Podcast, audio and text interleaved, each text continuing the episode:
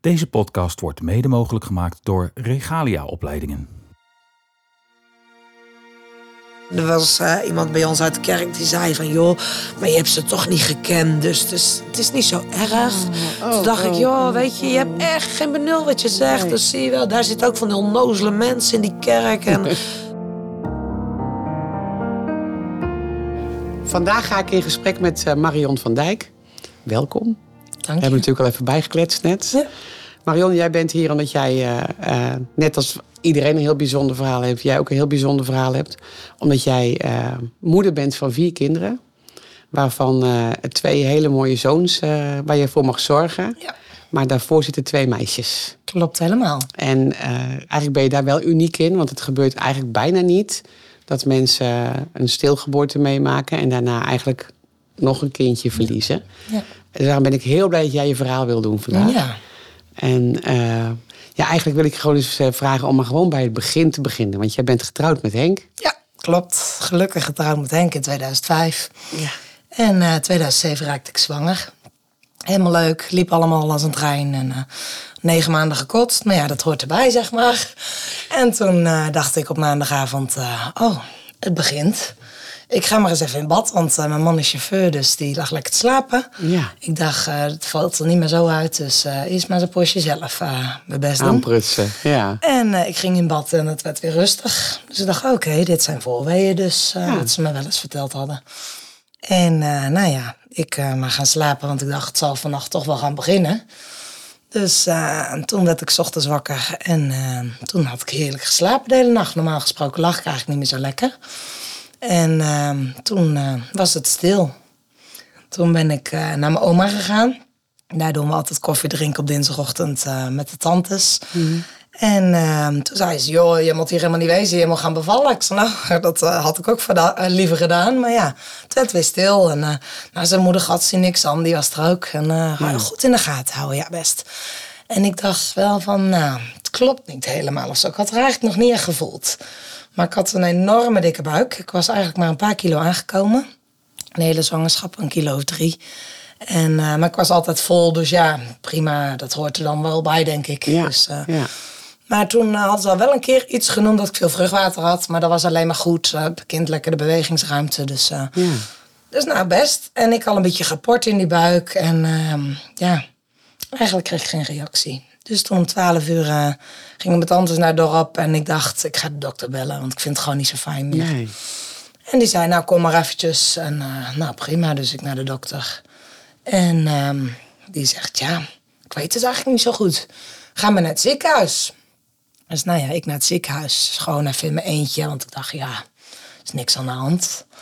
Dus, uh, en toen uh, gingen ze een echo... Of eigenlijk moest ik eerst af van de CTG. En toen, um, ja, dat was wel een beetje gek. Want ik hoorde een hartslag. Dus, maar het lag eigenlijk altijd linksonder, konden ze het heel goed horen. En toen konden ze het linksonder niet vinden, maar toen rechtsonder. Dus nou ja, prima. Het was waarschijnlijk gedraaid. Gedraaid, Ja. denk je dan. Ja. Dus uh, maar binnen no time, ze zei eigenlijk, de arts was bezig met de keizersnede. Dus ik moest wel even wachten, omdat ik onverwachts ertussen was gekomen. Maar binnen no time stond er een arts aan mijn bed en uh, allemaal mensen om me heen. En ik dacht, uh, wat gebeurt hier eigenlijk? Je krijgt Ja. ook nog even een echo, zei er een. Ik dacht, oh leuk. Ja. Dat was in die tijd eigenlijk niet de Nee. gewoonte, dus ik vond het eigenlijk wel leuk. Ja. En ik had een hartslag gehoord, dus ik had Henk ook nog even geappt tussendoor. Van nou, ik is een hartje en ik ben eh, wel in het ziekenhuis, maar je hoort soms wel uitgebreid. En toen, eh, nou ja, toen maakte ze een echo en toen zegt ze, ja, ik kan het eigenlijk niet zo goed brengen, maar eh, jullie kind leeft niet meer. Dus ik zei, nou, haal het er dan maar uit, zei ik, want ik hoef geen dood kind in mijn buik. Nou ja, toen eh, heb ik zo'n beetje mijn hele bericht, eh, of mijn hele telefoonlijst een bericht gestuurd met ons kind is dood. ik zat daar alleen in Ja. wachtkamer. Ja, ach, ja, ja. gillend gek natuurlijk. En Henk gebeld. Maar ik dacht, ja, Henk heb geen auto. Dus eh, die rijdt natuurlijk op de vrachtwagen, dus ik wist niet waar die zat. Dus we hebben hem gebeld, is mijn moeder gebeld. Die zegt, hey, wat leuk dat je belt. Ik ben maar aan de doopjurk begonnen. En we hadden stof gehaald. Ja. En eh, die was eh patroon aan het uitknippen. Ik zei, nou, ik zeg, stop daar maar mee. Ik zei, want ons kind eh, leeft niet meer. En toen zei ze, nou, dat kan helemaal niet. Maar mijn moeder keek me toen nog niet alle momenten op de telefoon. Dus die had mijn bericht nog gemist. Ik zei, jij moet naar Bos, waar Henk werkt. En jij moet daar Henk opwachten, want je moet hem halen. Want anders kan hij niet bij mij komen. Nee. Dus taxi geregeld, toen Henk gebeld. En toen dacht ik echt, ja, hoe moet ik Henk nu vertellen dat in mijn buik mijn kindje dood is gegaan. Ja. En eh, ja, dat is natuurlijk iets dat wil je gewoon nooit vertellen. En eh, vooral omdat ik hem net had geappt dat het gewoon goed was, want ik hoorde een hartslag. Maar het was waarschijnlijk je eigen Dat hartslag. was mijn eigen hartslag, ja. En die ging als een razende, omdat ik zenuwachtig was. Dus eh, ja, ik heb het gewoon aangezien als hartslag Ja. van de baby. En de artsen die hadden het dus eigenlijk achteraf gelijk in de gaten. Dus daarom ja, wemelde het gelijk binnen no time van de, van de artsen. Ja. Nou, toen ehm, hebben ze allerlei onderzoek gedaan. Hebben ze ehm, vruchtwater getapt. En ze moesten allemaal een buisje bloed van me hebben. Nou ja, allemaal aders sloegen zo'n beetje spontaan dicht. Dus eh, zelfs uit mijn voet is nog bloed gehaald. En eh, vreselijk. Maar ja, ze- we wilden een oorzaak weten. Ja, en ik zei, het moet eruit, want ik ga echt niet naar huis. Nee. En zeiden, ja, je gaat wel naar huis. We gaan morgen gaan we eh, je terug laten komen. Misschien weten we dan iets meer. Ik voelde op een gegeven moment weer allerlei bewegingen in mijn buik naar mijn idee. En ik zeg, ja. maar het leeft gewoon nog. Jullie hebben het allemaal fout. Ja. Maar eh, nou ja, toen kwam eh, Henk op een gegeven moment. En eh, ja, je wereld verandert gewoon in een... Stort in. ja, stort echt letterlijk in. Ik heb nog naar buiten gekeken of ik niet naar beneden kon springen. Maar het was op de eerste verdieping, dus dat hielp niet. Echt waar, ja. Ja, voor mij hoeft het toen echt niet meer eigenlijk. Je, ja, je hebt alles klaarstaan, een complete babykamer en alles. Ja. Kinderwagen, de box, alles stond gereed. Vond allemaal klaar in huis. Want ja, je Ja, weet ik was negen eh, maanden. Ja, Ja, op twee dagen na. ja. En eh, ja, toen eh, was er dus echt geen leven meer. Dus we zijn naar huis gegaan. Mochten de volgende ochtend ons melden. Hoe was dat, naar huis gaan? Ja, vreselijk. Ik had het liefst op dat moment eruit laten snijden. Ja, maar toen zei ze van, ja, maar dan kun je niet bij de begrafenis van je kind zijn. En wil je het begraven of wil je het cremeren? Ik zei, ja, weet ik veel. Ja, dat weet ik toch Nee. niet? Ik heb er niet over nagedacht. Ik heb over geboortekaartjes nagedacht en over Ja. namen en alles. Eh, ik zeg, ja, ik weet het gewoon allemaal niet. En eh, nee, daarom ga je nu naar huis en dan ga je rustig over nadenken. Ik dacht, rustig over nadenken. Je bent niet goed. Maar eh, naar huis gegaan. Nou, ontzettend veel gehuild. En toen zei mijn moeder, ja, dat... eh, die doopjurk, dat, die ga je nou natuurlijk niet gebruiken, zei ze. Mag ik daar dan een pakje van maken? Ach, Gossie. Ik zei, ja, doe maar. Ik zei, maar ja, ik weet niet of het een jongen of een meisje wordt. Dus eh, doe maar wat. Doe maar gewoon een broekje en een pakje. Ja. Dus nou, zij heeft van de doopjurk dus een pakje gemaakt. Ja. En ik dacht, misschien heeft het het wel nooit aan. Maar uiteindelijk eh, heeft ze die dus aangehad. En eh, de volgende dag, nou ja, eigenlijk s'avonds hebben we nog een beetje bedacht van wat we wilden. Maar ik was helemaal kapot op. Ja, joh. En ik dacht, ja, morgen moet ik gaan bevallen. Dus ik moet slapen. Dus ik ben op bed gaan liggen en ik heb geslapen tot de volgende ochtend 7 uur als een os. Zo. En eh, ja, daar krijg je op een of andere manier ook de krachten en alles voor dat je gewoon slaapt. Ja. En eh, de volgende ochtend hebben we de spulletjes gepakt. En eh, we hebben ja, kleedjes voor haar gepakt. Want we dachten van, nou ja, wat gaat het eh, worden? Want je wist ook echt niet of het een jongetje of een Nee, meisje nee, zou nee, zijn. nee, nee. Nee, ehm, toen hebben ze nog een echo gemaakt. Want ik zei, ik voel echt van alles. Ja, ik Dus ga niet bevallen voordat je nee. kijkt. Ja, inderdaad. Ik ken dat. Ja. En eh, toen zei ze, het is een meisje. Nou, toen, eh, ja, toen brak bij mij echt alles. Want eh, ik heb altijd gedacht eh, dat ik een dochter zou krijgen. ja. En eh, nou, die krijg je, maar eh, niet op de eh, manier hoe je hem wil. Henk zat nog wel eens te grappen van... nou, ik hoop niet dat ik een meisje krijg... want dan moet ik een tutu aan en een poppen, poppenhuisje. En, Ja, maar ja. toen zei hij... oh, had ik maar dit nooit gezegd. Die voelde zich eigenlijk zo schuldig. En ik voelde mij heel schuldig dat mijn kindje in mijn buik was gestorven. Ja?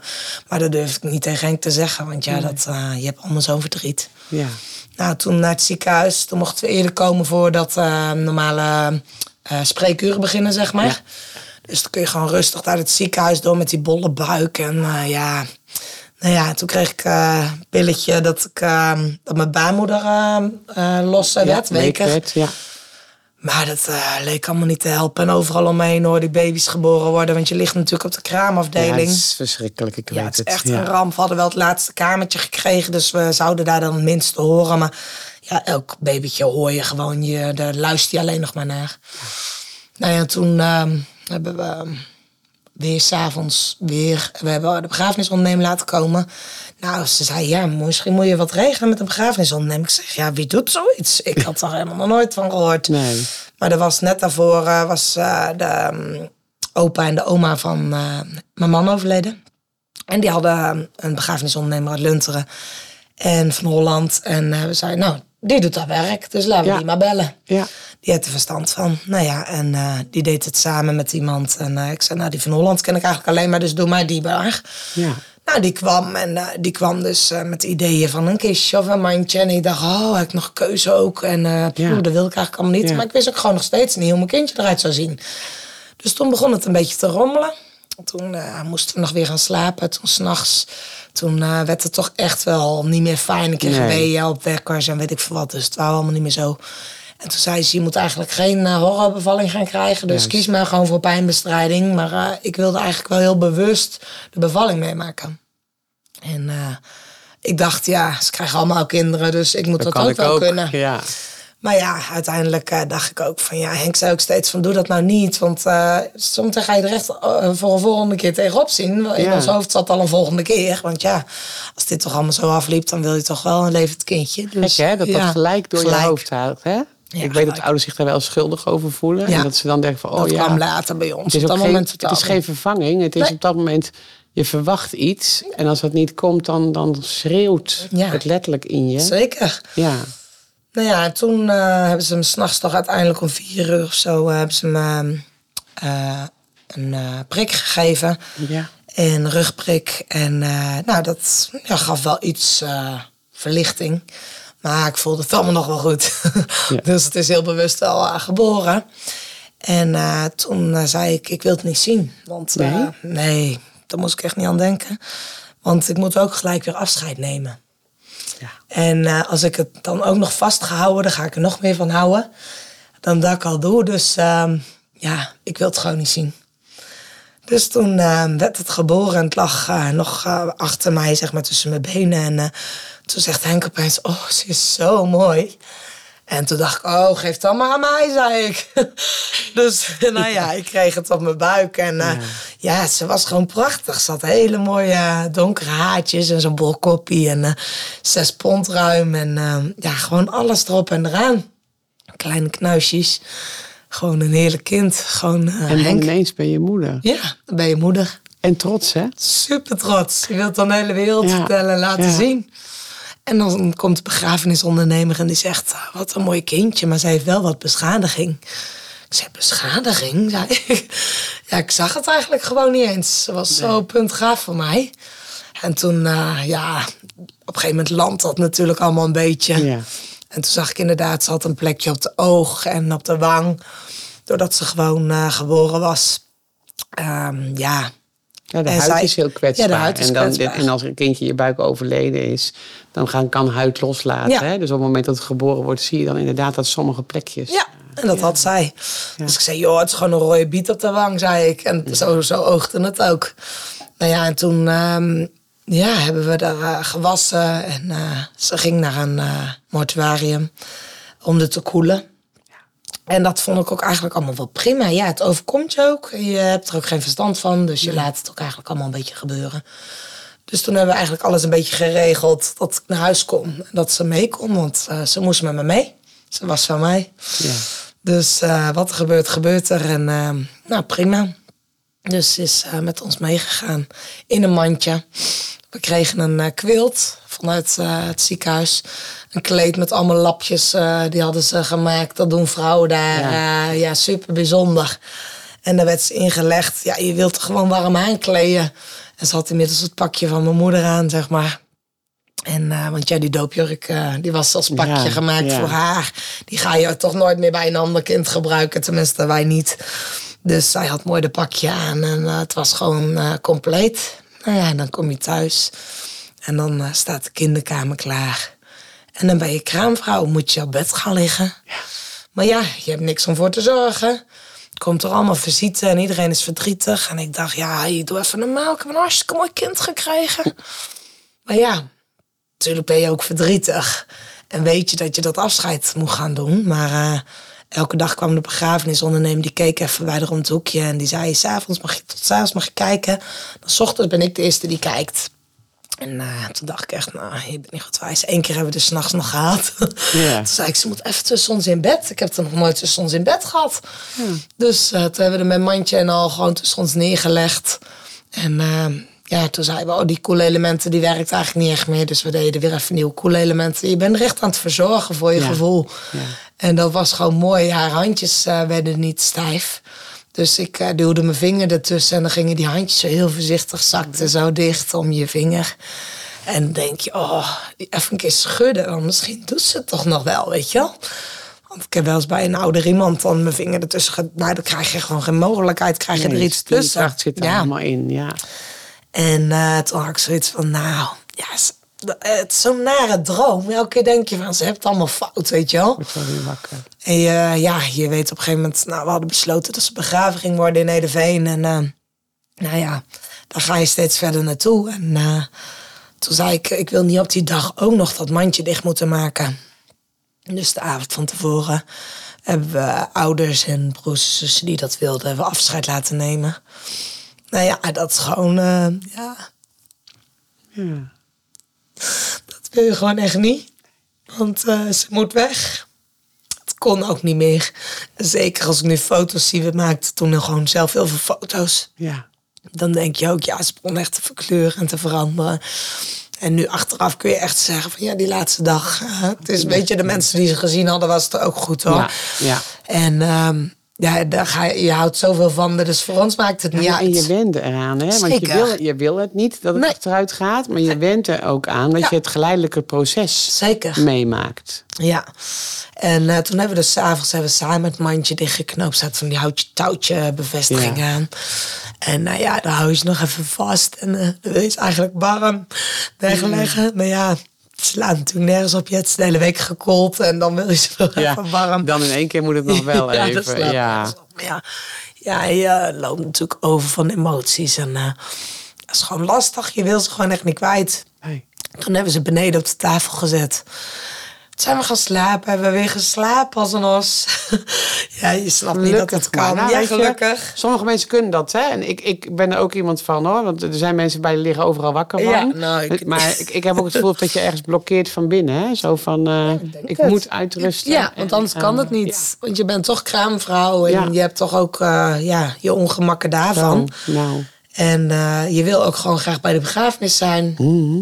Dus Ja. eh, we hadden wel eh, de rouwdienst, zeg maar, eh, alleen met onze eigen familie en broers en zussen en ouders. En ehm, vanuit huis, dus ik zat lekker op een tuinstoel. En en ja, dan ga je bij de begrafenisondernemer in de auto met een mandje op schoot. Zoals we ze in huis hebben gebracht, saampies. Ja, Moesten ze ook weer eruit. Zo kort dat ze dan maar bij je mag zijn. ja. Maar ja, toen naar de begraafplaats. We hadden nichtje gevraagd of die foto's van ons eh, wilde maken. Want we hebben, Henk's familie woont in Canada. Ja, En die konden er niet bij zijn. Dus toen zeiden we, dan kunnen ze later toch nog meekijken. Dat was toen best wel ik ongebruikelijk. zeggen, er was iemand, we hebben het over hoe lang geleden? 2007. Ja, Dus eh, ja, 16 jaar, ja, ja. inderdaad. En ehm, nou ja, zij eh, heeft achter elke boom en struik heeft ze foto's gemaakt. en eh, ja, we hebben ze ook eigenlijk niet gezien. Ze, ja, achteraf, ehm, ja, ze was gewoon onzichtbaar en we hebben prachtige foto's. Mooi, hè? het zijn geen foto's die ik elke dag bekijk hoor.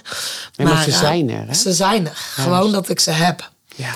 En eh, dan heb ik gezegd, ik denk dat ik ze in totaal nog een keer of vijf, zes gekeken heb in al die jaren. ja.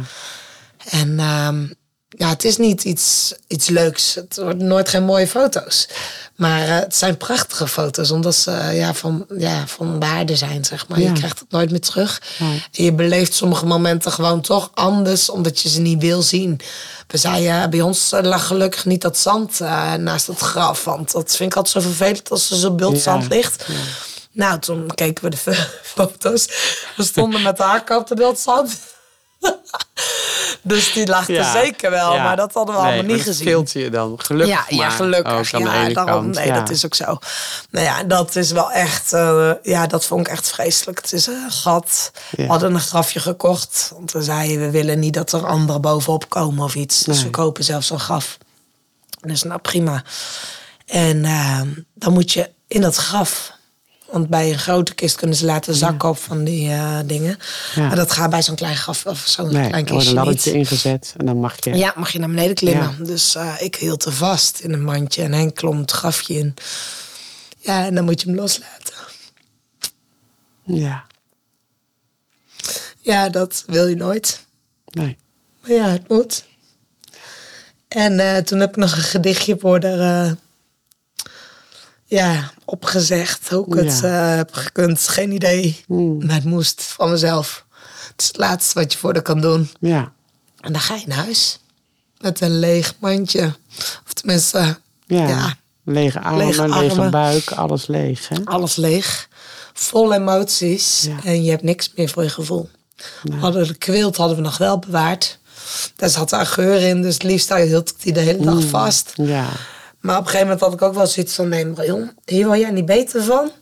Die kwilt aan de kant, die mag er best een keer eh, opzoeken of zo. Maar Ja. eh, kamertje verdicht en niet alleen maar op dat kamertje gaan zitten. Want eh, ja, daar word je niet gelukkig van. Nee. Maar ik werkte voor mezelf als kapster. En ik had zo'n beetje mijn klantenkring eh, gezegd... ja, ik krijg een kind, dus de groeten. Ik ga voor mijn kind zorgen. Ja. Dus mijn klantenkring gezegd dat ze een andere kapster op moesten zoeken.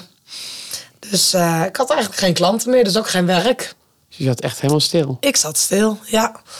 En toen, eh, ja, ze durfde mij natuurlijk ook niet te bellen. Nee, niemand die dacht, laten we vragen. Nee, Nee, oh, Marion heeft nou wel weer tijd. Ja, Ja, nee. Dus toen dacht ik van ja, er moet wat gebeuren. Want hier, eh, ja, dit gaat niet goed komen. Ik ga in bed blijven liggen. Ik word zwaar depressief. Dat, gaan we, dat wil ik gewoon niet. Iedereen ging weer aan het werk. En voor iedereen gaat alles door. Er gaat, staat geen kruiwagen om stil naar je idee. En voor jou staat je hele wereld gewoon in één klap stil. Ja, klopt. En ehm, mijn man moest weer werken. En ik ging wel eens een keer eventjes met hem mee. Maar ja, ik vond nergens eigenlijk vreugde meer in. Dus toen eh, heb ik een oude baas van me opgebeld. Die, waar ik altijd mijn vakantiebaantje had gedaan als 14, 15-jarige.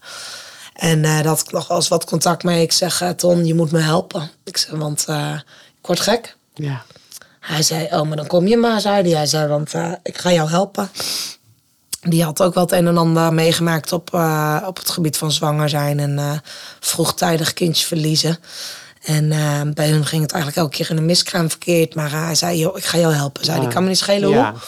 Dus ik ben daar elke ochtend, eh, om acht uur moest ik starten. Ik mocht inklokken. Hij zei, als het niet lukt, dan kom je om negen uur en anders om tien uur. Hij zei, maar je komt. Als je maar komt. Als je ja. maar komt en je komt al bed uit. Hij zei om acht uur verwacht ik je. Nou ja, en ik ben dan wel zo eh strijderig dat ik denk ik moet er om acht uur zijn. Ja. Dus ik kwam naar mijn haar en ik kwam eh, fatsoenlijk op mijn werk aan. En ik werkte tot twaalf uur.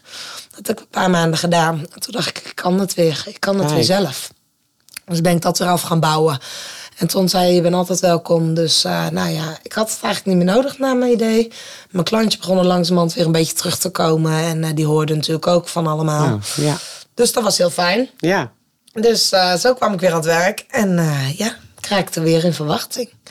Want dat verlangen was er gelijk. Ja, hè? gelijk. Ja. Ja, echt. Ja, die lege handen en dat lege babykamertje. En je wil zo graag voor een kind zorgen. Je bent moeder. Ja. En niemand ziet jou als moeder. Nee. Dus eh, op een gegeven moment was het moederdag. En eh, toen, eh, ze was in maart geboren dan. 8 maart, nou ja, dan is het natuurlijk vrij kort daarna moederdag. Ja. En de een naar de ander zei, ja, voor jou, ja, ja, is het eigenlijk geen moederdag, hè? Ik dacht, wel, wat een knuppel, weet je wel. Van mij is zeker een moederdag. Ik zeg, Ja. ik heb alleen geen kind om voor te zorgen. Je moet bijna vechten voor je rol Ja. om als moeder gezien te worden Zeker. dan. Ja. ik wou gewoon dat iedereen het zag. Dat iedereen mij gewoon eh, als moeder zag. En niemand, ja, iedereen En het zag ook gewoon. snapte. Ja, Dat je het wel voelde. Dat je van een kind hield. absoluut. Ja? Niemand durft daar eens meer naar te vragen. Nee. Ja, dan beginnen ze misschien wel te huilen. En eh, ja, dat is ook zo. En soms liep ik in de supermarkt dacht ik, nou, waarom vraag je er nou niet naar? Ja. En dan zag je in het volgende pad zag je iemand anders en die vroeg daarna. En dacht je, hou je mond, joh. Ik wil er helemaal niet over hebben.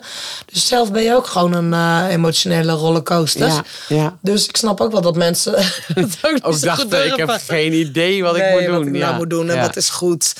Dus nee, het, is, eh, ja, het was wat het was. Ja, Maar je krijgt ook weer hoop doordat je weer zwanger raakt. ja. En eh, ik dacht, nou ja, weet je, dit gaan we niet nog een keer overkomen. Want Nee, ze hadden het bloed geprikt en ze hadden gekeken. Hadden ze iets van een oorzaak gevonden? Nee, pure pech. Dachten ze. Ja. En eh, ze konden niks vinden. Ik had alleen veel te veel vruchtwater. Ik had ongeveer 9 liter vruchtwater, waar je ongeveer 2 hoort te hebben. Ja. Maar ja, beter te veel is te weinig, zegt ze altijd. En want te niemand weinig. de eh, link is- in die tijd dat het misschien wel iets anders zou kunnen Nee. zijn. Nee.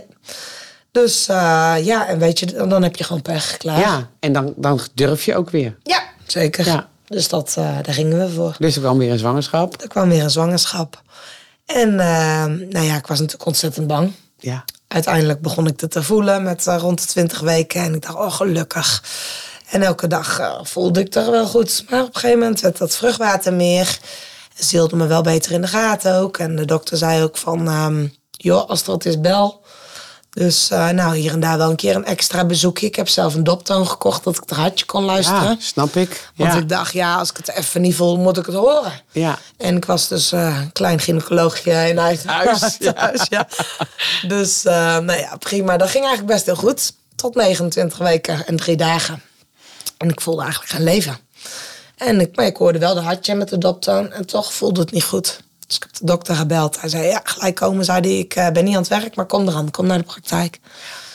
Nou, en ik zat daar te wachten. En eh binnen no time was die dokter er ook. En eh, die maakte toen net een beetje echo's. Dus die ging een echo maken. Hij zei, ja, je moet gelijk naar het ziekenhuis. Hij zei, want het ligt veel te stil. Maar ze leeft. En dat konden we ook goed zien, hartslag. Ja. ja. dus ja, dat was eigenlijk ook. Dus ik ben ook gewoon weer alleen naar het ziekenhuis gegaan. Terwijl ik had voorgenomen dat ik nooit meer alleen naar het ziekenhuis zou gaan. Maar je hebt ook haast, want je, ja. Zeker, Toch? heel veel haast. Ja. Dus eh, auto gepakt en eh, naar het En ziekenhuis. gaan. Ja. Nou ja, daar eh, gelijk bekeken. En toen was Henk er ook al vrij snel. Ik weet ook eigenlijk niet meer waar die zat. Ja, je stapt ook zo weer een rollercoaster Ja. weer in. En ehm, nou ja, toen maakte ze een echo. Toen zei ze, ja, het leeft inderdaad. Alleen het hangt echt aan een navelstreng. Is zo, eh, je hebt zoveel vruchtwater. Het lijkt gewoon de druk in de buik gewoon veel te veel te zijn. Dus we gaan vruchtwater aftappen. Maar de kans dat ze geboren gaat worden is dus heel groot. Dus je moet naar een academisch ziekenhuis. Dus met ambulance naar Nijmegen overgebracht. En daar hebben ze allerlei onderzoeken gedaan. En toen zei ze s'avonds, we gaan vruchtwater eh, eruit halen. Ja. Dan hebben ze gewoon meer ruimte, waardoor Ja. ze misschien minder aan die navelstreng hangt. En dat ze meer gaan bewegen weer. Ja, hè? inderdaad. Dat hoopten we. Ja. Nou ja, dus eh, vruchtwater aftappen. En ehm, toen werd ik eigenlijk heel na, want ik had een heel laag bloeddruk. En eh, ja, de spanning, alles samen Ach, joh, natuurlijk. Nou, En Henk was net jarig geworden om 12 uur. Dus dat was eigenlijk wel heel leuk. Dus we hadden zoiets van, nou ja, weet je, misschien wordt ze vandaag wel geboren. Weet Ja, je? Dan, eh, cadeautje. Ja, een mooi cadeautje. Elf weken te vroeg, maar oké. Het komt dan allemaal wel goed, want ze leeft, hè. Dus Ja. prima. En toen, eh, nou ja, toen viel ik eigenlijk flauw, doordat ze met die eh vruchtwaterpunctie bezig waren. En toen, ehm, ja, ben niet helemaal weggevallen, maar alle alarmbellen gingen rinkelen. En bij Sabine viel de hartslag weg. Nou, en toen, nou, spoedkeizersnee. eh de gang over gerend. Ondertussen werd katheter ingebracht en een infuus en eh, weet ik veel. En eh, nou ja, voor ik het wist lag ik op de OK, sliep ik eigenlijk al. En Henk is erachteraan gerend. En die zei, ze stonden de liften tegen te houden, alles. Ja, dat, Grote dat- paniek. Ja, grote Ja. paniek. Maar dat had ik niet in de gaten hoor, dat het zo erg was. En nou ja, binnen 30 seconden dat ik op OK was, was Sabine geboren. Ik was natuurlijk volledig platgespoten. En ehm, toen hebben ze ehm, haar een kamertje ernaast eh, proberen te reanimeren. En eh, haar hartje ging het ook weer doen. Henk kwam eh, de OK opgerend. Die moest eigenlijk nog zo'n groen pakje. Ja. maar ja, daar had Henk even niet zoveel tijd voor. Nee. Dus die runde gewoon die elkaar op. En die zag mij liggen daar opengesneden en bloedend. eh, zonder iemand. Ja, wel aan de toeters en bellen. Maar die dacht, oké, die doet het niet meer, dacht hij. Ik ga op zoek naar mijn kind. Maar ja, ik, ik werd wel zo in de gaten gehouden, maar niet naar Henk's idee. Nee. Dus die is het volgende hokje opgezoeken. En daar zag hij een kopietje van Sanne. Dus die dacht, deze is van mij. Ja. Maar met eh, tien man eromheen. En die zag precies Sabine overeind vliegen door eh, de elektrodes. Oh, oh, oh. Maar ze gingen het doen. Dus dat was het allerbelangrijkste. Maar ehm, nou ja, ik weet van dat stuk natuurlijk niks. Dat is me allemaal verteld. Ja. En ehm, toen, eh, Henk had, eh, toen zagen ze Henk en die zei... oh, je mag hier helemaal niet zijn en je moet nog zo'n eh, zo'n pakje aan. En, dus die werd meegenomen. En toen zei hij, maar mevrouw dan? Zei hij, en, nee, zei die wordt goed verzorgd. Die ligt aan alle apparatuur. En oké, dus nou, dat ja. scheelt alweer. Want hij dacht ook eigenlijk dat ik ook er niet meer was. Ja. Maar toen terug, ehm, ja, eigenlijk eh, naar de. Ja, zij werd eh, ja, stabiel gehouden, zeg maar, aan de beademing en alles. En eh, ik kwam langzamerhand weer bij. En eh, nou ja, ik werd half wakker en ik zei, eh, en? Ze leeft, zei ik. Nou, toen heb ik nog een paar uur geslapen ook nog van de narcose. En toen Ja. ik er echt goed bij kwam, toen waren er inmiddels zoveel testen gedaan. Dat hun eigenlijk al wel zeiden van, maar het is niet goed. Oh, joh. Toen dacht ik, nou, ze leeft, dus Ja. er kan niks Kan meer mis zijn. hoe ik Nee. er uh, mee krijg. Al wordt het een kastplan, dacht ik toen echt bij mezelf. Maakt niet uit. Het is al licht goed. Maar ehm, ja, ze gingen om de paar uur deze weer testjes. En het werd eigenlijk steeds broeder en er kwamen steeds meer artsen bij. En eh, ik zag ook wel dat het eigenlijk echt niet best was. Maar ja, ik had haar inmiddels gezien en ze was heel mooi roze en eh, ze ademde. Je zag dat borstkastje omhoog gaan. En eh, nou, zei die, ehm, ze ademt eigenlijk niet. Ik zei, nou, ik zie toch. Ja. Ja, zei hij, maar dat komt door de machines. Dat, ehm, ja, komt zuurstof, duwen ze erin, daardoor gaat de bosje omhoog. En ik zei, ja, maar ze plast ook, want de luier, dat streepje in de luier, dat was verkleurd. Dus eh, ja, zei hij, maar er, komt, er wordt vocht ingediend en het blaasje loopt eigenlijk gewoon over. Want ja, alles doet het eigenlijk wel, maar ja, niet op de manier. Want eh, ze was tot, ehm, tot hersenstam afgestorven. Ze heeft veel te weinig zuurstof gehad eh, in mijn buik. En eh, ze hebben haar eh, met de gehaald. En ze deed die navelstreng eh, doorsnijden. En eh, die bleef maar terugtollen, zeg maar. En er kwam geen eens bloed meer uit. Dus ja, ze hing echt letterlijk aan de navelstreng. En daardoor hebben ze nog wat spastische bewegingen gemaakt. Maar voor de rest ook eigenlijk niet meer. En dat is dus heel langzamerhand is ze dus ook in mijn buik langzamerhand gestorven eigenlijk. Dus ja, toen eh, had ik het echt niet best meer, want eh, toen moest ze nog gaan sterven. Eigenlijk was ze dat al, maar ja, de machines hielden er nog in leven. Die moesten eraf. Die moesten eraf. Maar ik zeg, joh, als dat een kind van eh, Willem-Alexander is of van Beatrix, Dan laat je er ook liggen. ja, laat je er ook liggen. Dus deze laten we ook liggen. Ja. Ja, zei maar we hebben het nodig voor kindjes die wel een kans hebben. Maar, en ik bidde tot God. Ik denk, nu kun je nog een wonder doen. Ik heb echt gekrijsd en gegild van, ja, dit kan geen twee keer. Je hebt het zelf meegemaakt, God. Je weet hoe erg het is als je je kind eh, terug moet geven. Dit je ons geen tweede keer gebeuren. Nee. Maar het moest wel. En eh, we kregen ze in de armen. En eh, toen gingen ze alles afkoppelen. Ja, en haar hartje klopte nog. Maar je zag gelijk al dat de nageltjes blauw werden. En de lipjes. Ja, je zag gewoon dat er geen leven in zat. Maar ja, de hart klopte nog. Dus je hebt nog gewoon hoop. Nou, toen zijn er heel wat schietgebedjes naar boven geschoten. Zo, hè? En eh, ik werd ook boos op God. Dat ik dacht van ja, dit kan je echt niet maken, kerel. Eh, Nee, dit nee, eh, ga ik je niet in dank afnemen. Nee. Want Als ja, je er dan bent, doe ja, dan wat. doe dan wat. Nu kan je nog wat. Maar het hartje werd minder en minder. En eh, na anderhalf uur bijna hield het op. En je wilde er eigenlijk door elkaar schudden. Van blijf het nou doen. Want als het echt niet meer doet, ja, dan is er gewoon geen hoop meer. Maar zolang dat hartje toch nog iets doet, want het werd steeds langzamer al. Maar zolang het nog iets doet, ja, is er hoop. Maar die hoop ging weg. Nou ja, Moest je voor de tweede keer afscheid nemen. ja. Maar ja, toen wisten we hoe het moest. Ja. Dachten we, dus het wordt een stuk makkelijker. Ja. Nou ja, niet helemaal natuurlijk. Maar wel het idee... Oké, de begrafenisondernemer moet komen. Oké, we kunnen haar nu aangeven. Want de eerste keer was ze doodgeboren. Het. Was het een kindje zonder naam. Ja. En eh, werd ze niet geregistreerd. Dat was toen nog niet. Maar nou mochten we er aangeven bij het gemeenteloket. En eh, dus wij hebben een Nijmeegs kindje. En eh, ja, het had echt een naam en het stond op papier. Het was gewoon ons kind. Het kwam ook in het eh, trouwboekje.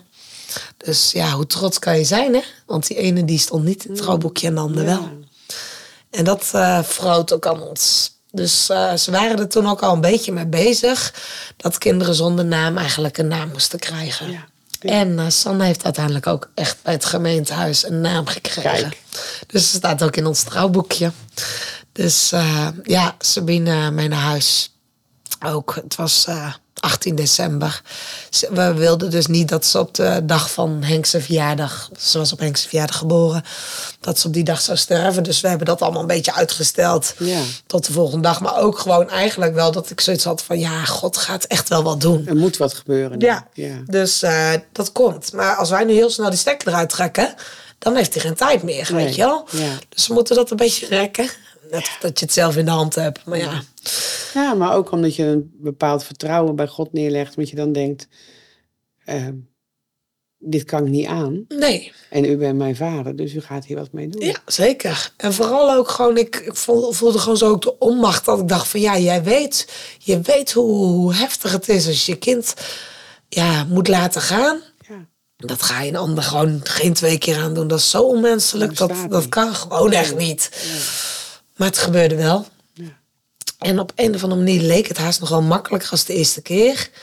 En dat is, ik zeg altijd, dat is niet het goede woord. Want Nee. het is natuurlijk niet makkelijker. Nee, maar je, je, je hoeft de beslissingen niet meer dusdanig over na te Nee. denken. Omdat die al de eerste keer genomen Ja. waren. En nu voor het zusje van Sanne en Sabine hetzelfde zouden zijn. Zeker. En we hadden al een grafje. En ja, Juist, ja ja. weet je, dus het was gewoon Ja. wat praktisch gezien wat Ja, makkelijker. ja. Dus eh, nou ja, ook eigenlijk alles hetzelfde gedaan, behalve eh, de rouwadvertenties niet. Want bij de eerste dachten, ja, iedereen moet het weten. Dus we hebben het in elke krant gezet, zo weet je, waar we maar dachten van, die wordt gelezen, die ons kennen. Maar ja, toen kregen we natuurlijk een prent van eh, veel. Heel veel geld. Heel Ja. veel geld. Dat doe je geen tweede keer. Nee, dat deed ik geen tweede keer. Ja, weet je, je gaat erop failliet. Ja, Dat ja. klinkt een beetje gek, maar eh, we- ja, we, Ja, maar het is wel waar. Wij zeggen het er ook altijd bij. Hè? Ik ben natuurlijk veel later op Ja. uit van begonnen. Maar het zijn dingen dat we zeggen tegen mensen zeggen... oh jongens, en zeker in deze tijd, Ja, weten wat het kost. Hè? ja En maar weet je, ze hebben tegen ons ze hebben het ook een keer gezegd, toch? Genoemd. Ja, maar je staat er Maar toen dacht ik, ja, maar iedereen moet het gewoon weten. Dus ja, weet je, dat het, eh, iedereen moet het gewoon weten, klaar. Ja. Dus er was gewoon eigenlijk geen discussie over mogelijk. Dus ja, logisch dat hij er ook niet meer echt Nee, verder op ingegaan is. Jij wilde al, En de, dus en de prima. manieren die er nu zijn, waren er toen ook nog. Zeker niet. Er was geen social media en zo, zeg maar eigenlijk. Of tenminste nauwelijks. Bijna.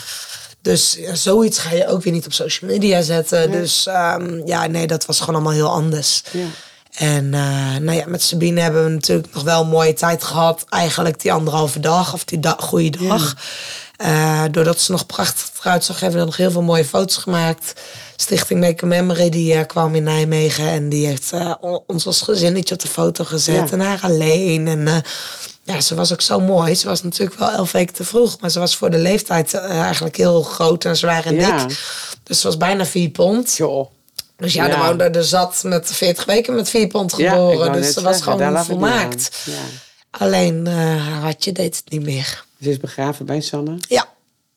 We dachten dat nooit meer nodig te hebben. Maar eh, we waren blij dat we uiteindelijk een grafje hadden Ja. gekocht. Waar er dus Ja. twee eh, mochten. Ja, helaas. Ja. Dus de steen moest er ook weer af. En die moest eh, glad gemaakt. Want we hadden de tekst van Sanne hadden we gewoon in het midden van de steen gezet. Want ja, je gaat er niet vanuit dat er nog eentje bij komt. Dus we hebben de tekst van Sanne omhoog gezet. En eh, ik wilde met Sanne wilde ik echt eh, bezig zijn met haar. Dus ik heb de foto's zelf ingeplakt. Maar ik zei, ik moet wat met die grafsteen doen. Dus we hadden in Veenendaal bij Pol Steenhouwerij hadden we de, de steen gekocht. En ik zei, ja, ik moet daar zelf wat aan doen. Hij zei, oh, maar dat kan, zei hij. Hij zei, ja, vind je het leuk om de letters te pellen? Ik zei, de letters te pellen, wat moet je dan doen, weet je wel? Dus eh, ja. ja. inderdaad, van Ja. die plakkers op die eh, steen. En dan moest je dan eruit halen. En dat ja, stralen ze, geloof ik, of Ja, zo. En eh, nou, dat vond ik heel fijn, dat ik gewoon dat zelf gedaan had of zo. Ja, ja. Nou, maar de tweede keer had ik een keissnede gehad natuurlijk. En toen zag ik dat allemaal ook gewoon niet zo zitten. En ik had dat allemaal al een keer gedaan. Dus dat hoefde voor mij niet meer zo nodig. Maar ehm, dus toen moest die tekst. Dus hebben ze de voorkant eh, een beetje afgevlakt, eh, geschraapt. En Ja. toen dat tekst omhoog. En toen kon Sabine erbij op. En, maar ja, ook die druk van die steen uitzoeken en zo heb je niet meer. En ja, ja het was gewoon qua dat gaat, leek het wat makkelijker. ja. Maar ja, dan kom je weer in huis. Weer met een lege handen. Nou, nou. En dan eh, in Nijmegen zei ze twee keer pech, daar geloven wij niet in. Ik zei ja, dan moet er onderzoeken gedaan worden. Maar ja, ze hadden van Sabine natuurlijk wel bloed en eh, vruchtwater. En, eh, maar van Sanne was toen inmiddels eigenlijk alles weg. En eh, ze hadden eigenlijk alleen vruchtwater. En eh, ja, dat houden ze eventjes. Maar voor de rest dan ook niet meer. Nee, Nee. dus dat was toen allemaal weg. Dus daar hadden we niks aan. Dus toen zijn we in Maastricht geweest bij een arts. Die had eerst in Nijmegen gewerkt. En die, eh, die was ja, veel onderzoeken naar zulke soort dingetjes aan het doen. Dus daar heb ik allemaal onderzoeken gehad. En nee, er kwam niks uit uiteindelijk. Dus nou ja, heel fijn natuurlijk. Dus Dan ja, zou er staan dus nog twee steeds... keer pech zijn. Ja, twee keer pech. Dat zal dan toch wel. Dus eh, ja, we gaan gewoon voor een nieuw kindje. Je durfde dit echt. Ik wilde het. Het moest gewoon. De, ja, ik was moeder. Ja, En ik was geen moeder. nee. Ja, ik was wel moeder, maar niemand zag het. En eh dan stond ik daar bij dat grafje en ik dacht, ja, ik wil je gewoon verzorgen. En ik wil je gewoon... Ja, ja. Maar ja, dat ging niet. Hey, uiteindelijk ben je zwanger geraakt. En eh, ook dat ging niet helemaal weer vanzelf, denk ik. dat hè? ging Want- zeker niet vanzelf. maar je kreeg wel een hele mooie zoon. Zeker, Sam. Het ging eigenlijk boven verwachting goed. Maar ik was gewoon zo bang. Ja. Dus ik ben met 19 weken opgenomen in Nijmegen. En eh, ja, alles liep anders. Ik had ook veel minder vruchtwater. En eh, nou ja, uiteindelijk zei ik met 34 weken... je haalt hem er maar uit. Het is lang genoeg geweest. Ik kan niet meer. Nee. Ik ben op. En eh, ze zei, nou, 34 weken is inderdaad een mooie, eh, mooie tijd qua longrijping en dergelijke. We geven hem extra longrijping. En eh, we wisten dat het een jochie was. Dus dat gaf Henk voornamelijk ook heel veel rust. Die zei, het is echt allemaal anders. Marion zei, die, dit komt goed. Ja. En eh, nou ja, ik had niet heel... Ja, ik had wel het vertrouwen dat het goed kwam, maar ik was niet zo zeker als Henk. En eh, dus ik zei met 34 weken, het gebeurt wat gebeurt, dan snij ik het er zelf uit. ja. Want eh, ik ga gewoon eh ja, dit maar ik ziekenhuis snap het wel. Want je op een gegeven moment denk je, van kan me niet schelen. Maar niemand laat dit nog een keer aan Nee, gebeuren. het gebeurt elke keer wel in mijn buik. Ja, En daar was ik echt toch nog wel serieus wel mijn eigen schuldig aan Ja? bevonden. Ja. En ik weet dat dat niet juist is. Maar toch, ja, het gebeurt. En is ook een eh, vorm van rouwen, hè? Ja, ook. Schuldgevoel zoeken bij jezelf is, Ja, is eerst alle artsen. ook een oorzaak. Ja, Ja. dat. Is daar Ja. al artsen de Sjaak, want iedereen had fout gedaan. Ja. En degene die me de laatste keer goed levend eh, de echo had gedaan en eh, het hartje had geluisterd, die had me nooit naar huis mogen sturen met 39 weken. En eh, nou ja, zo ging het natuurlijk maar door. Maar ja, daar kun je op een gegeven moment ook niks mee. Nee, die boosheid gaat alle kanten op, maar het lost niks op. Dus dan is het makkelijkst om jezelf de schuld te geven. Ja. En dat heb ik een poosje volgehouden. En toen was Henk er wel een beetje klaar mee. En die zeggen, nou is het klaar, je kan er niks aan doen. Hij zei, misschien ben ik de schuldige wel. Ik zei, hoezo ben jij de schuldige? Hij zei, ze lijken zo op mij, zei hij. Nou ja, best. Dat is een keer gevallen. Maar ja, toen werd dus Sam geboren met 34 weken en uiteindelijk twee dagen. Want ze hebben nog wel weer iets gerekt. Ja, ja. Ze proberen natuurlijk die termijn zo lang mogelijk te lang- krijgen. ja, Ja, inderdaad. Zolang je nog een beetje mak bent, houden we je mak. Dus Ja. eh, nou, uiteindelijk eh, is hij dus geboren met een keizersnee. Ze hebben het eerst... Ik wil eigenlijk heel graag gewoon bevallen... om het ook eh, ja, een positieve wending te Ja, geven. Ja. En, maar ja, was natuurlijk nog veel te jong zwanger, zeg maar.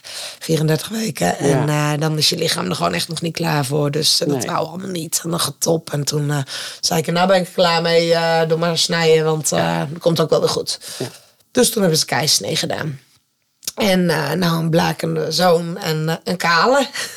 Die hadden we nog niet. Nee, die andere twee hadden haar. Ja, is- inderdaad. Ja. En Sanne hadden we altijd al op na mijn lijstje staan. Als we ooit een dochter krijgen, wordt Sanne. En toen hadden we bij Sabine hadden we eigenlijk niet echt een naam. Maar Sabine vond ik wel heel leuk. We wilden eigenlijk wel iets wat een beetje op Sanne leek. Ja, maar ja. ook weer niet precies hetzelfde. Dus dat werd Sabine. Nou, maar toen hadden we uiteindelijk dus twee S'en. Dus toen zeiden we, ja, wat moeten we nou bij de volgende? Nou, toen wisten we dat dat dus een jochie werd. Toen zei Henk op een gegeven moment de S van de meiden, de E van Henk en de M van Marion. Dan zitten we er allemaal in. Wauw. En eh, nou, best. Dus dat is Sam geworden. Ja. ja. Nou, helemaal super. We waren altijd eh, met hormonen zwanger geworden. Dus toen zeiden we, nou, het is klaar. We hadden 5% kans op spontane zwangerschap, hadden ze ongeveer Ja, uitgerekend. jullie waren heel blij dat je eindelijk een kind Daarom. te zorgen. En Ja. twee in de hemel en één in je handen. Inderdaad. Ja? Dus het was eh, Ja. klaar. Het was goed. Ja. We hoefden geen kindje meer. Dus eh, we gaan niet meer... eh, Alle ellende Alle de ellende. rug voor je gevoel en nu ja. genieten. Ja. Inderdaad. Dus ik gaf borstvoeding en nou prima. En op een gegeven moment wou dat allemaal niet meer. En een beetje tobben en een beetje gezeur. Het kind deed het super, maar eh, het wou allemaal niet meer zo goed.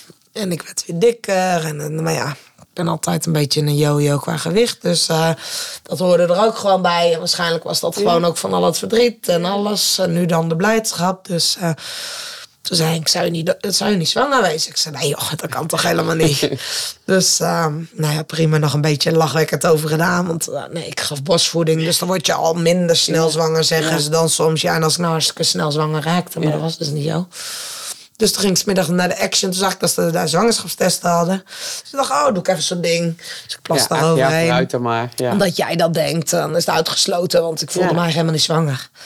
En gelijk twee strepen. Oh. Toen dacht ik, nou, zo'n rolding van de Action. Het is ook echt zo, dacht ik. Het ding werd gegooid. En ook gewoon niet eens tegen Renk verteld. Nee, nee. Doe het en, normaal. Uh, nou, inderdaad. Toen zei ik van, anders moet je gewoon stoppen met die bosvoeding. En uh, dan word je qua hormonen misschien ook weer, want je bent ja. best wel een beetje kort en zo. Nou, en ik dacht, ja, klets niet. Nee. Maar uh, ook, het kon ook in mijn hoofd ook gewoon echt niet dat ik zwanger was, nee, nog. Nee. En, maar elf maanden later, ja, die buik zat niet lekker en ik was misselijk. En, nou ja. Elf, elf maanden? Elf, ja, ja, nadat Sam ja, geboren ja, was, zeg maar. maar ja. En het wou allemaal niet. Nee. en toen toch maar eens een goede test gedaan. Mm. En toen stond er um, uh, 9 plus. Dus toen belde ik Henk op. Die was op de vrachtwagen. Ik zei, nou, wat een nou toch is. Ik ben zwanger van negen kinderen of meer. ik, ja, zo dom ook. Maar ja, nu lachen we er altijd heel hard om natuurlijk. Echt, dacht ik nou, Hij zei nu- 9 plus, dat kan toch nooit? Lees dan eens die beschrijving. Ja, wat staat nou? En toen ging ik dus goed lezen. En toen was het dus meer dan negen weken. Ja, dan ben je helemaal even in de war. En toen dacht ik, hè? Dus dan had hij toch gelijk. En dan was die te- test van de Action toch goed. En nou ja, toen werd ik even helemaal gek. Want toen dacht ik, ja, nou heb ik een gezond kind. En dan ga ik soms weer die malle molen in. En dan moet ik soms weer met 20 weken het ziekenhuis. En ja. Ja, waar moet ik Sam dan laten? Dat was Ja. die had mij nog te hard nodig. Ik gaf borstvoeding en ja, ja, ja, dat... Nou ja, een ramp beetje kop, natuurlijk. zeg maar. Ja, totaal. Nou ja, toen, uh, ja, die zwangerschap was een feit. En wij natuurlijk ook super blij mee. Maar ja, ook wel de angst heel, gel- heel gelijk. Ja, ik heb uh, wel echt gelijk gehoopt dat het eigenlijk weer een meisje zou worden. Ja. Want uh, ik ben kapster en ik had me eigenlijk altijd voorgesteld met van die hagenkinderen. Ja. Toen die meiden tenminste Ja, veel haar hadden. Van nou, vlechtjes en dingetjes, staartjes, ja. strikjes. Dus, en toen had ik een kaal zoontje. Dus ik dacht, ja, er moet eigenlijk echt wel een meid komen dus dan, zeg maar. Maar ja, al vrij snel bleek dat uh, Seth een jongetje was. Ja. En uh, ja, ik was toen nog geen set natuurlijk. Maar uh, toen begon de ellende. Met 19 weken, veel te veel vruchtwater. Dus ik ging echt weer helemaal de verkeerde kant op. Ben mijn 19 weken ook opgenomen al in Nijmegen. Alle onderzoeken heb ik ook in Nijmegen gehad. Dus toen mocht ik wel ehm, naar huis op een gegeven moment. Want ze zei, ja, er is echt niks aan de hand. Kindje groeit goed. En ehm, ja, we kunnen je moeilijk al die tijd hier houden. En ik had natuurlijk een kindje thuis, dus ik wilde ook graag naar huis. Ja, een hele Moest- andere situatie. Ja, zeker. Dus ehm, toen ehm, ben ik met 21 weken weer opgenomen, want het ging thuis echt niet. Ik was helemaal ribbel, ik voelde het kind nooit. Ik had weer zoveel vruchtwater, dus ook al schopt het kindje, die, dat vruchtwater die, eh, ja, die hield dat gewoon weer in eh, stabiliteit, zeg maar. Dus ik voelde het eigenlijk zat niet.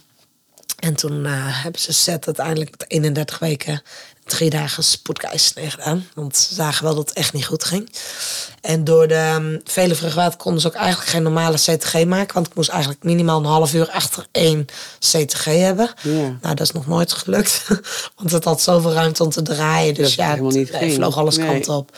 Dus ze konden ook eigenlijk niet ja, peilen hoe het ging daarbinnen. Nee. Dus toen hebben ze hem gehaald. En eh, wel een spoedkeizersnee, maar niet zo spoed als met Sabine. Want ze hadden wel, eh, moest binnen drie uur dan moest het eruit. Ja. Nou, dat is dus ook gebeurd. Toen was ik wel bij. Dus dat Kijk, was wel heel dat fijn. ook, ja. Dus, eh, maar ja, toen werd hij wel gelijk meegenomen. Hij huilde ook niet. En ja, het was gewoon gelijk al wel een beetje grimmig. Maar hij leefde. En hij hoefde niet aan de beademing. Had wel eventjes iets van slangetje en wel iets zuurstof. Maar toch wou dat allemaal ook allemaal niet. En, eh, maar ja, was vroeggeboorte. En hij wist allemaal. Toch had ik er geen goed gevoel bij. En eh, ja, uiteindelijk na heel veel onderzoeken. En eh, ja, met vijf weken is hij naar Utrecht over. Hebben we Ja. op een gegeven moment naar Utrecht overgeplaatst. En bleek een hartafwijking te hebben.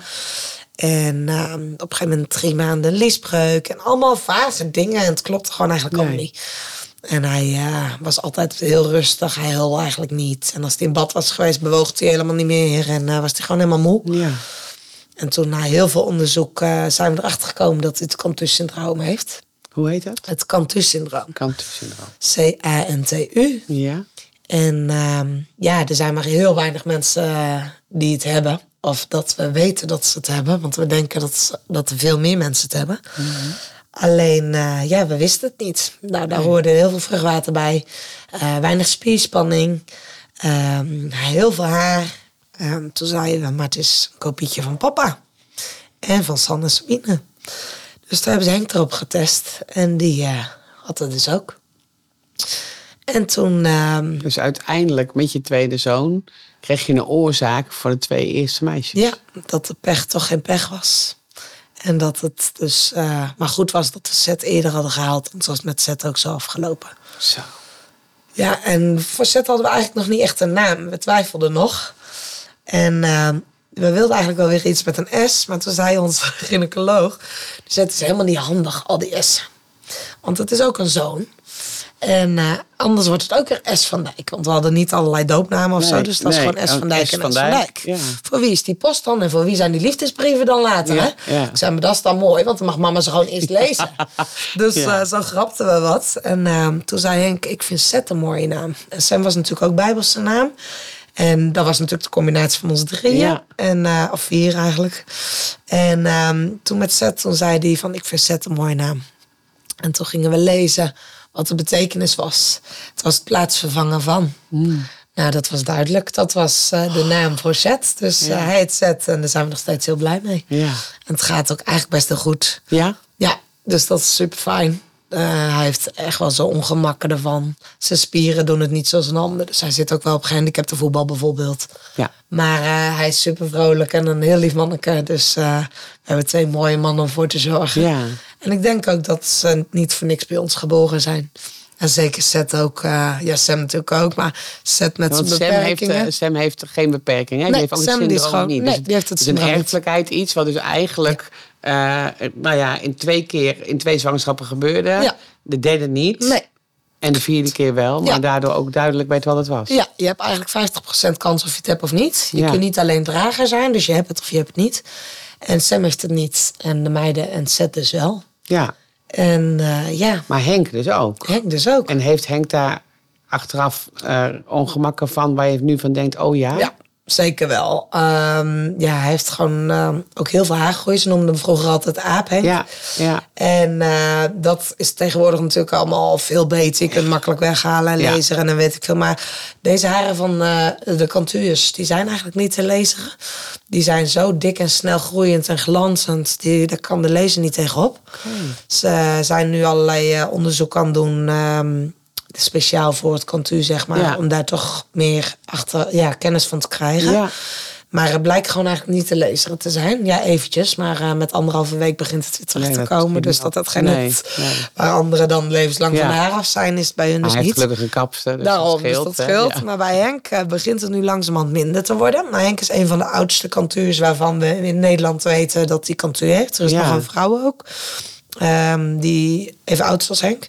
Maar ze hebben allemaal dezelfde uiterlijke kenmerken. Grote lippen, eh, grote handen, grof, groot. Eh, jongens groeien in verhouding eh, sneller eigenlijk in instantie. Uiteindelijk worden ze allemaal groot. Maar Ja.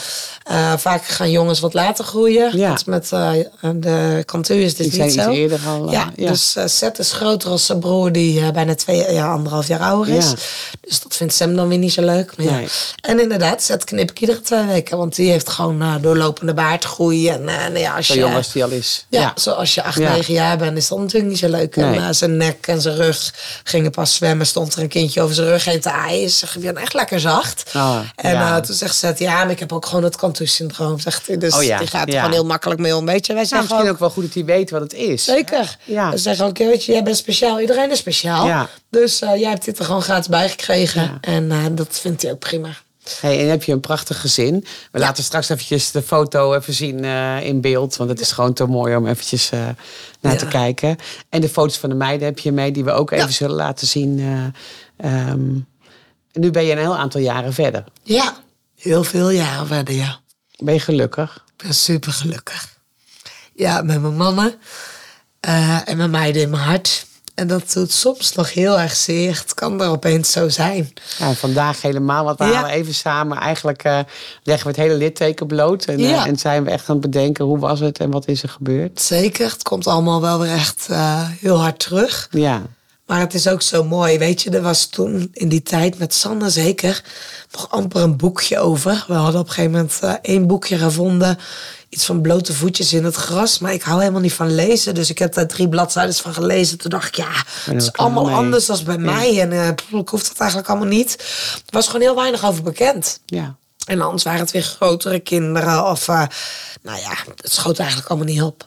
Tegenwoordig is er natuurlijk allemaal veel meer van bekend. En t- toen was wel de stichting De Lieve Engeltjes. Daar ben ik nog een poosje lid van geweest. En eh, dat was voor de ene kant heel mooi. Maar ik ben ook wel weer een nuchter typeje. En dat ik denk, van, kom op aan het werk. En de schop onder je kont en door. Je kunt niet altijd blijven hangen in je verdriet. Je moet ook gewoon verder. En ehm, ja, ik had het idee, als je daarbij blijft hangen... Eh, dan blijf je continu ook in dat verdriet meegezogen worden. Maar dan doe je twee stappen vooruit en toch weer een Ja, stapje achteruit. achteruit. Ja. En op zich is het niet erg. Maar eh, ik vond het wel heel mooi altijd met moederdag en mijn vaderdag kreeg je daarvan een eh, persoonlijk gedichtje, zeg Ja. maar. En dat, eh, dus ik ben eigenlijk nog heel lang lid gebleven voor dat ene gedichtje in het jaar, Ja, zeg maar. ja. En toen dacht ik op een gegeven moment van nee, ik ben sterk genoeg om dit zelf te kunnen. Toen ben ik zelf heel veel gaan dichten, eigenlijk al wel vanaf het begin. En ehm, ja, jij was een beetje mijn voorbeeld in dat, eh, dat stukje. Want eh, we Ja. kenden elkaar natuurlijk een klein beetje persoonlijk. En Ja. eh, ik wist ook van jouw verhaal een beetje. En niet in zijn ouds, maar ja, dat gaf me wel veel rust. Dus ik heb heel veel geschreven. En dat doe ik nu, als ik het moeilijk heb, nog. Ja, Maar die momenten worden zo langzamerhand steeds minder. Je wordt opgenomen door je jongens en daar mag je lekker voor zorgen. Ja. Maar af en toe zijn er van die momenten dat ze ze vragen: oh, heb je over kinderen? Heb je twee kinderen? En dan denk ik: Oh, ja, ja, ik heb twee kinderen. ja. Ja. En soms kan ik dat zeggen zonder er last van te hebben. Soms Ja. denk ik: Oh, ik heb er vier. Waarom heb ik nou niet gezegd dat het gewoon vier waren? Ja. Nou, omdat je ook niet altijd de hele boel voor een ander wil weer Nee, ophalen. En zeker niet. Ik heb inderdaad op, ik zeg dat ook heel veel over. We hebben twee meiden. Ja. we hebben twee meiden hier. Voor Ja, mijn gevoel ja, zeg ik dan ja, achteraan. ja.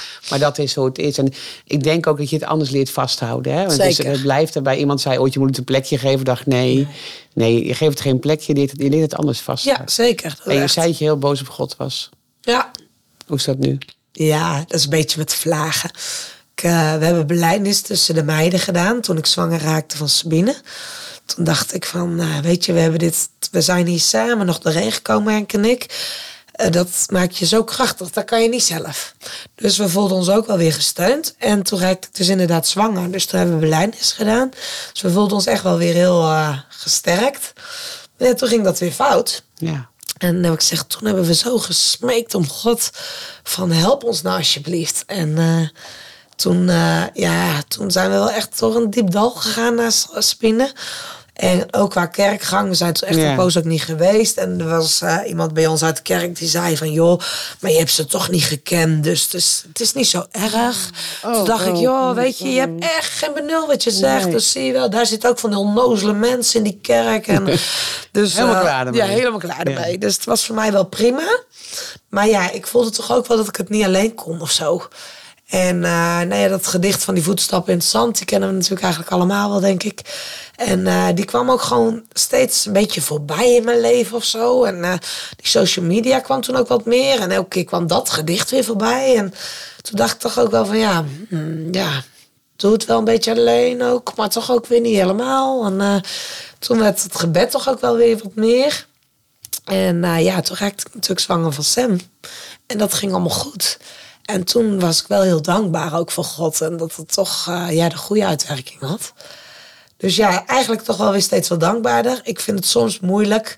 Ik ben zeker volledig gelovig en eh, ik eh, hou zeker van God. Maar ik eh, heb nog wel altijd dat stemmetje in mijn hoofd van... als ik ooit bij je in de hemel kom, dan ga ik ik zo even vragen... weten. waarom? Waarom heb je dit nou gedaan? Ja. Waarom had ik dit nou echt nodig? Ben ik eh, echt zo'n verkeerd mens? En ik weet dat dat niet zo is. Maar dat, dit, dat ik dat nodig had om het te gaan zien dat je echt bestaat, zeg maar. Ja. Dus ik denk dat ik hem nog wel een keer een schouderklopje ga geven van... hé, hey, God. Ja.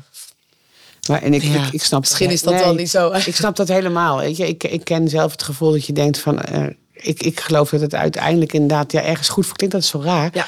Ik geloof dat dingen ten goede gekeerd kunnen worden. Ja. Dingen die je meemaken, verander je als Zeker. mens. Ehm, antwoorden heb ik ook niet voor je. Nee.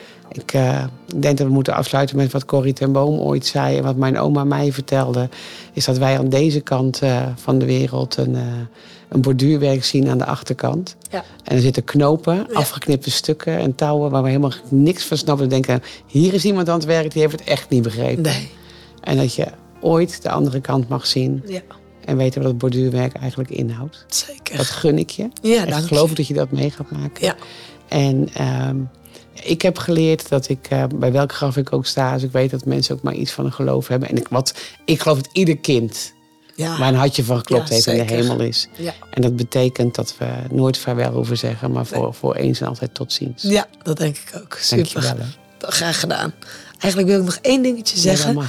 ik denk wel ook dat Henk en ik daardoor gewoon samen gewoon supersterk zijn geworden. Je kunt uit elkaar groeien door zoiets heftigs. Ja, ja. Of naar elkaar toe. Want we hebben wel soms af en toe echt ons eigen leven. Want hij houdt van dingen waar ik niet van hou en andersom. en dat is prima. Ja. Vroeger moesten we alles samen doen. Ja. Maar dat is niet meer zo. We houden ons zo zielsveel van elkaar. Dat wij eh, ja, dat gewoon samen, is. ja, samen wel redden. Dus dat komt goed. Dus dat is super. Super, dankjewel nou, meisje. Ja.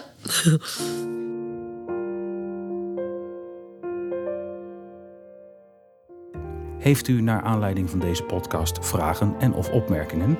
Neem dan gerust contact met ons op. Dat kan via e-mail, onze website of telefoon. Alle gegevens vindt u in de nadere informatietekst bij deze podcast.